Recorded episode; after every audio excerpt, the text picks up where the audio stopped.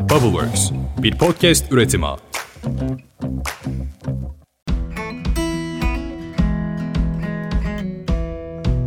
Herkese selam, Ditopik Düşüncelere hoş geldiniz. Ben Dilara. Yapay zeka ile ne kadar ilgilisiniz? Son günlerde onu ve yaptıklarını takip etmek gerçekten de hiç kolay değil. Çünkü her geçen gün yapay zekanın yetenekleri ve yaptıkları ile ilgili bir başka haber okuyoruz. Bu ay çok yeni sizinle paylaşmak istediğim bir haberi okurken yapay zeka acaba artık bir şeyleri izinsiz, telifsiz yapmaktan daha öteye gidebilir mi? Benim gibi mimarları ve başka bir sürü meslek sahibini işsiz bırakabilir mi? Bunu sorgulamaya başladım. Eğer siz de yapay zekanın yaptıklarını akıl sır erdiremiyor ya da erdirebiliyorsanız da bu işin gidişatı hakkında ne yorum yapacağınızı bilemiyorsanız Ditopik Düşüncelerim ve ben sizler için yapay zekanın kapısını aralayıp bölümün sonunda da bu işe bir yorum getiriyoruz. Hazırsanız başlayalım.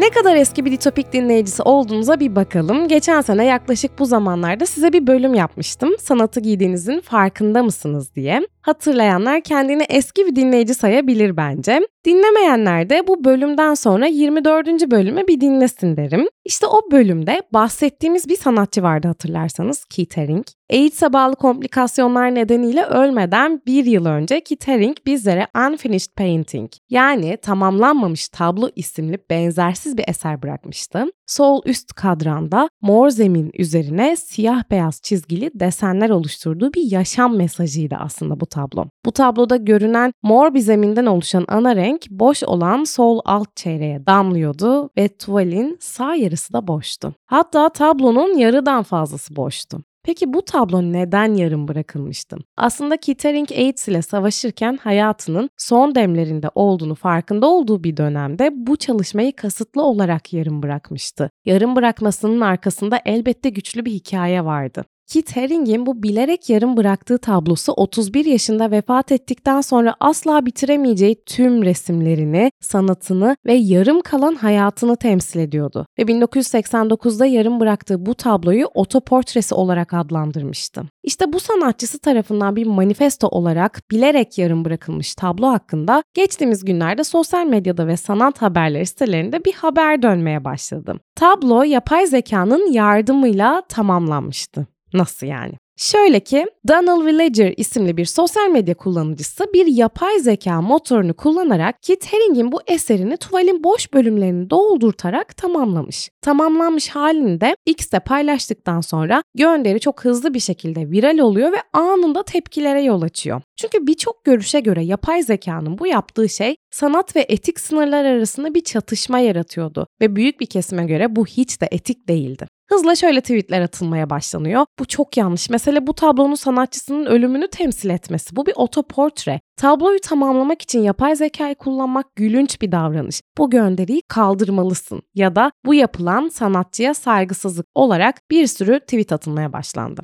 Bütün bunları okudukça meseleye nereden bakacağımı şaşırmıştım. Çünkü yapay zeka onu sürekli eleştirsek de, varlığını birileri istemese de bundan sonra artık hep hayatımızda ve işlerimizde olacak olan bir şey. Ve onu kabullenmemek sanırım olacak iş değil. Bu nedenle bu meseleye birlikte bakalım istiyorum. Şimdi bu olayda çok sayıda yorumcu ayrıca bu gönderinin bir tüketim ürünü olarak hizmet ettiğine, güçlü tepkiler uyandırarak etkileşimi arttırmak için kasıtlı olarak kutuplaştırıcı veya öfke uyandıran bir içerik oluşturduğunda düşündüğünü yazmış. Kasıtlı bir yem olsun veya olmasın, gönderi yapay zeka ve telif hakkı endişeleri konusunda devam eden düşünceleri de körüklüyordu. Tartışma özellikle Midjourney tarafından çok eleştiriliyordu. Eleştirmenlerin iddialarına göre Midjourney rızası olmayan 16 bin sanatçının işini kopyalıyordu ya da etik olmayacak bir şekilde tekrar üretiyordu. Sanatçıların bir diğer iddialarına göre Midjourney geliştiricilerinin para aklamayı hedeflediği ve Midjourney'i eğiterek sanatçıların işlerinden oluşan bir veri tabanı oluşturmaya çalıştıkları paylaşılmış. Ve tabii ki bu tartışmaların sonucunda sanatçılar yapay zeka şirketlerine ne yapıyorlar? Dava açıyorlar. Bu davalar sırasında ChatGPT ve metin görüntü oluşturucu DALL-E'den sorumlu kuruluş olan OpenAI de kendini şöyle savunuyor çünkü onların isimleri de gündeme geliyor. Şöyle diyorlar, telif hakkıyla korunan materyaller dahil edilmeden yapay zekanın geliştirilmesinin imkansız olacağını belirtiyorlar. Şimdi savunmanın bu kısmını dinleyince bence çok da haksız sayılmazlar. Şöyle bir taraftan bakıyorlar olaya. Yapay zekayı besleyen verileri bir asırdan fazla süre önce oluşturulmuş kamuya açık kitaplar ve çizimlerle sınırlamak ne yazık ki yapay zekanın yapay zeka olmasını sağlamayacak. Günümüz koşullarının ihtiyaçlarını karşılayan sistemler oluşturmaz eğer yapay zeka bunları gözetirsek diyorlar. Aslında işin bu kısmında savunmaları ne yazık ki çok doğru. Peki ne olacaktı bu telif işinin sonu? Çünkü hem sanatçı hem de yapay zeka motorları açısından bakıldığında aslında her ikisi de haklıydı. Ama öte yandan Keith Haring'in bilerek tamamlamadığı eserinin tamamlanması da bıraktığı mesajı öldüren de bir şeydi. Ve başka bir taraftan tablonun bitmiş halini de görmek heyecan vericiydi. E neydi bunun doğrusu? Şimdi son çıkan bir başka haberde de Van Gogh'un Yıldızlı Gece eserinin Midjourney tarafından kopyalanarak tekrar üretildiği haberlerini okuduk. Dolayısıyla akıllara tekrar aynı soru geliyordu. Bu Midjourney gibi yapay zeka motorları telif tartışmaları kapsamında kopyalayıcı mı yoksa sanatçı mı oluyorlardı? Yazılı komutlarla sanat eserlerine benzer görseller üreten Midjourney gibi yapay zeka araçları telif tartışmasının işte böyle göbeğine düşmüştü. Sanatçılar yapay zekanın eserlerini izinsiz kullandığını savunarak tartışmayı tekrar alevlendiriyorlardı ve dava açıyorlardı bu yapay zeka araçlarına. Midjourney, DALL-E ve Stable Diffusion gibi yapay zeka araçları artık çok rahatlıkla eksiklerine rağmen usta bir sanatçının eserinden farksız görünen yapay zeka çalışmaları, galerilerde, müzelerde sergilenen işler üretebiliyorlardı. Hatta öyle ki geçtiğimiz günlerde dünyanın ilk yapay zeka dijital sergisi Hollanda'nın Amsterdam şehrinde açıldı. Yani baya baya açılan bu serginin sanatçıları yapay zekaydı. Ama işte gerçekten yapay zeka bir sanatçı mıydı? Bu soruyu soruyoruz çünkü yapay zeka araçları aslında veri tabanlarına yüklenen gerçek sanatçıların milyonlarca eserleriyle eğitilerek geliştiriliyorlar. Bu sebeple sanat çevreleri duruma tepki gösteriyor. Yapay zeka araçlarının kendi eserlerinin görsellerini izinsiz kullanarak yeni gibi görünen eserler meydana getirdiğini savunan sanatçılar yapılanların bir tür intihal olduğunu savunuyorlar. Mesela geçtiğimiz haftalarda Hollanda'nın Lahey şehrindeki Mauritius Müzesi ressam Vermeer'in ince küpeli kız tablosundan ilhamla yapay zeka tarafından yapılan bir çalışmayı sergilediği için eleştiri yağmuruna tutuldu. Çünkü eser kayık gözleri ve farklı fırça izleri dışında tablonun aynısıydı. Buna karşılık şu görüşü savunanlar da var. Mesela Türk sanatçı ve tasarımcı olan Bager Akbay diyor ki aslında yapay zekanın basit bir şekilde internette bulduğu görselleri birleştirmediğini, arkasında karmaşık kodlar barındırdığını ifade ediyor. Akbay bunu anlamak için yapay zekanın nasıl görsel ürettiğini bilmek gerekiyor diyor. Evet, yapay zeka şimdi daha az özgün şeyler üretiyor olabilir ama bildiğimiz sanat eserleri de zannedildiği kadar özgün mü acaba diyor. Şimdi tam da bu nokta bence çok önemli. Çünkü şu an yapay zeka herkesin bildiği bir şekilde kopyalama ya da esinlenme yaratıyor belki ama daha manuel olan dönemlerde. Hatta çok da eskiye gitmeyelim. Bundan neredeyse 10 yıl öncesinden bahsedersek bile sanatçıların başka sanatçılardan nasıl ilham aldığını, hatta belki de kopyaladığını bilmiyorduk bile. Özellikle Pinterest gibi bir dünyada sürekli olarak manuel kopyalama yöntemi varken sırf kodlara dayanmıyor diye ve bilmiyoruz diye yapay zekayı suçlamak doğru mu olur bilemiyorum. Yani söylemek istediğim şu. Şu an bunu ispatlayabiliyor olmamız yapay zekaya ket vurmamalı. Çünkü kim bilir hangi eserler nasıl kopyalanarak ortaya çıktı. Sanatçı Akbay bir de şöyle bir şey söylüyor. Sanatçılar eğitimleri, kültürleri ve ilham alıp unuttuğu başka işlerle eserler oluşturuyorlar. Midjourney gibi yapay zekalar ise sadece bir araç. Bununla sanat da yapabilirsiniz, reklam filmi de çekip para da kazanabilirsiniz diyor. Bence işte olaya tam da böyle bakmalıyız. Yapay zeka bir araç mı yoksa amaç mı? Müzelerdeki eserlere bakıp resimler üreten bir sürü insan var. Siz müzeye gittiğinizde oradaki eserlerden esinlenme hakkını satın alabiliyor musunuz? Telifin kamu yararı olması gerekir görüşünü savunuyor sanatçı Akbay. Tam olarak bu görüşün içindeyim sanırım ben de. Yapay zeka araçları Vermeer'in ince küpeli kızını ya da Van Gogh'un yıldızlı gecesinin aynısını üretse ne olur ki? Herkes o tablonun esas kaynağını, sanatçısını zaten biliyor. Yani değerin nereden geldiği, kimden oluştuğu zaten aşikar. Ya da eseri yorumlamasa bile insanların bu yorumu yapmaya hakkı var da yapay zekanın yok demek bence biraz haksızlık olur. Yakın zamanda Midjourney Van Gogh'un Yıldızlı Gece eserini kopyalayarak bir görüntü oluşturmuştu. Tabi bunun üzerine Midjourney bu iddiaları yalanladı ve sanatçıların eserlerini kopyalamak için tasarlanmadığını söyledi Midjourney'nin. Midjourney bu iddialara bir blog yazısıyla yanıt verdi ve blog yazısında Midjourney'nin sanatçıların eserlerini kopyalamak için tasarlanmadığı ancak bazı durumlarda benzer sonuçlara yol açabildiği belirtildi. Ve Midjourney bu sorunu çözmek için çalışmalarını sürdüreceğini ve sanatçıların eserlerini korumak için yeni önlemler alacağını söylemiş. Tabii Midjourney'nin bu iddialara nasıl yanıt vereceği önümüzdeki günlerde belli olacak. Ama o yanıt verene kadar biz kendi yanıtımızı bulmalıydık bence. Önümüzde iki durum var.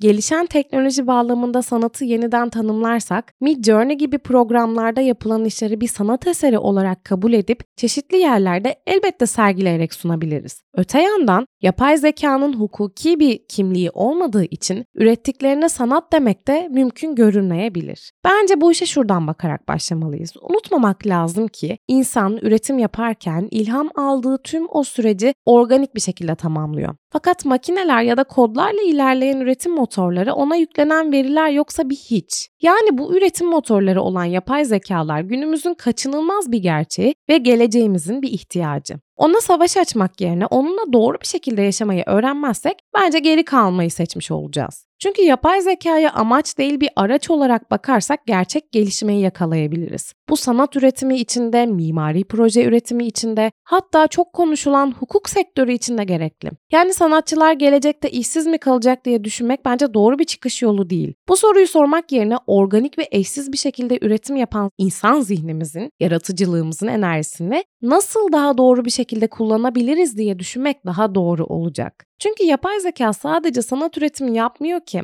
Biliyorsunuz ki mimari çizim hatta 3D görselleştirme de yapıyor yapay zeka programları artık. Şimdi visual design yapan mimarlar işsiz mi kaldı demek bu? Ya da hukuk metinleri yazabilen yapay zekalar sayesinde avukatlar işsiz mi kaldı demek oluyor. Şöyle ki mesela mimarlık mesleğini ele alalım. Gelişen dünya ve kapitalist düzenle aslında mesleklerin esas amacını unutur olduk. Mimarların esas işi hiçbir zaman render almak olmadı ki aslında. Mimarların esas işi mekan tasarlamak ve uygulama sürecine danışmanlık yapmak oldu. Fakat günümüze baktığımızda mimarlar bilgisayar programlarını çok iyi kullanan tekniker gibiler bir yandan da. Ya başka bir dünya mümkünse? Yani ya bizler durmadan tasarlasak ve enerjimizi saatlerce çizim yapmak ve render almak yerine tasarım sürecine harcasak, akıtsak nasıl olurdu? Aslında mesleğin esas amacını bulmuş olurduk. Esas amacını yapıyor olurduk. Bence gelişen bu teknolojide yapay zeka ile işsiz kalmayacağız. Enerjimizi esas harcamamız gereken uygulamalara harcayacağız. Angarya işleri ise yapay zekaya yaptıracağız. Tıpkı az önce söylediğimiz gibi yapay zekayı bir araç olarak kullanacağız.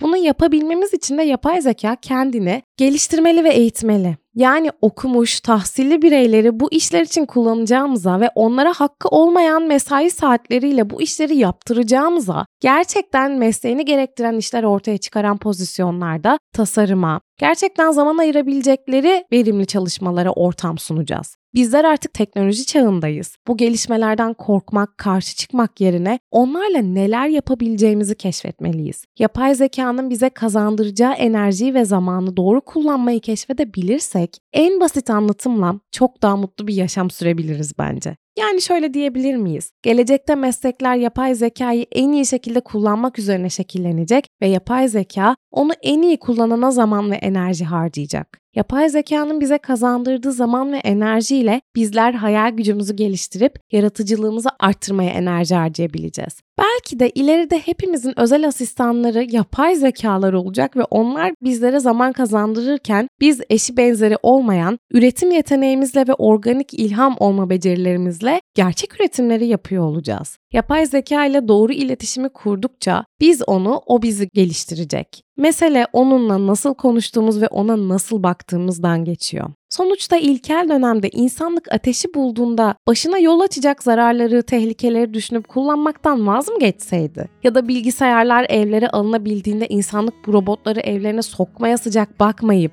evlerini almaktan vaz mı geçselerdi? Biraz bakış açımızı çevirdiğimizde yapay zekanın bunlardan hiçbir farkı olmadığını görebilmek mümkün. Bir sonraki bölümde görüşmek üzere. Bay bay.